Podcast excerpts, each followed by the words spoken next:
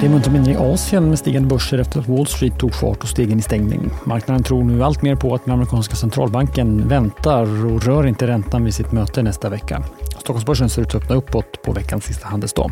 Det är fredag den 9 juni. Du lyssnar på det i Morgonkoll och jag heter Alexander Klar.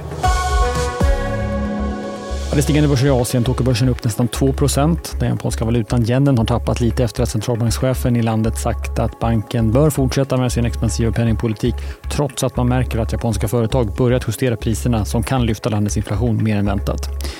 Kinesisk inflation kom in under natten, steg svagt med 0,2% i maj, vilket är aningen mindre än väntat, dock högre än 0,1% som var årstakten för april. Samtidigt föll landets producentpriser med 4,6% vilket är det största fallet på sju år. Landets börser går i sidled. USA stängde som sagt uppåt igår efter att marknaden bedömer att sannolikheten för att centralbanken Federal Reserve väntar med ytterligare räntehöjningar nästa vecka har ökat.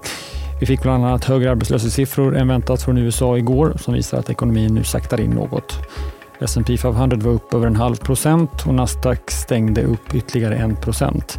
Hittills i år är Nasdaq upp 25 procent medan S&P 500 stigit knappt 12 procent. Och VIX-index som mäter volatiliteten i marknaden och ibland kallas för skräckindex har nu sjunkit till den lägsta nivån sedan före pandemiutbrottet i februari 2020. Bortom börsen så har USAs tidigare president Donald Trump åtalats igen i amerikansk domstol. Det rör sig om hur den tidigare presidenten hanterat hemliga dokument efter att han lämnade Vita huset. Sveriges så. bostadspriserna fortsätter uppåt. Trots höjda bolån så steg bostadsrättspriserna i maj med 1% visar siffror från Svensk Mäklarstatistik. Men antalet bostadsaffärer är fortsatt lågt, poängterar Fredrik Kullman som är VD på Bjurfors. Det kommer inte ut speciellt många nya bostäder på marknaden. Det är inte många som väljer att gå ut och sälja sin bostad just nu. Och de bostäderna som kommer ut som har många rätt, de sticker iväg i pris. Och det gör att priserna ökar. Medan då det, det ligger, utbudet är fortfarande rekordhögt, eller på gränsen till rekordhögt. Och det är gamla bostäder som ligger där, där säljarna har förväntningar från tidigare. En längre intervju med Fredrik Kullman hittar ni på sajten t.se. Ett par mindre svenska nyheter eh, under morgonen. Läkemedelsbolaget Vicor Pharma tar in en halv miljard i en riktad emission som blev klar över natten. Rabatten blev endast drygt 1 men innebär en utspädning på knappt 30% Även utfallet i Intervax företrädesemission har kommit. Täckningsgraden landade på 158% och bolaget får därmed in drygt 100 miljoner kronor. På dagens agenda, vi får svensk konsumtion för april. Månaden innan, i mars, så sjönk konsumtionen med drygt 1% i månadstakt och 4% i årstakt.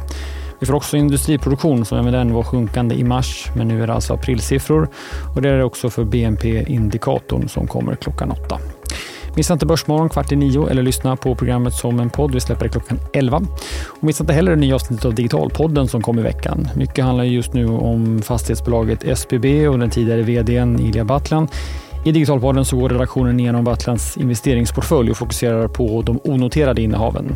De senaste dagarna har ju Battlan fortsatt att sälja aktier på Stockholmsbörsen, däribland Nyfosa och senast blev det känt att han flyttat mycket av sina aktier i SBB från sin privata portfölj in i sitt bolag. Ni hittar podden på sajten eller i poddspelare. Din Morgonkoll är tillbaks igen på måndag. Vi hörs då. Trevlig helg.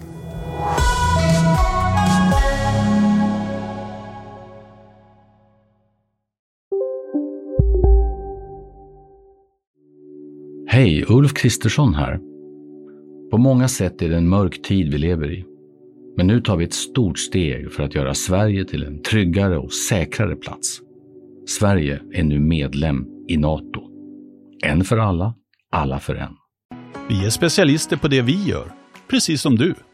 Därför försäkrar vi på Swedea bara småföretag, som ditt. För oss är små företag alltid större än stora och vår företagsförsäkring anpassar sig helt efter firmans förutsättningar. Gå in på swedea.se företag och jämför själv.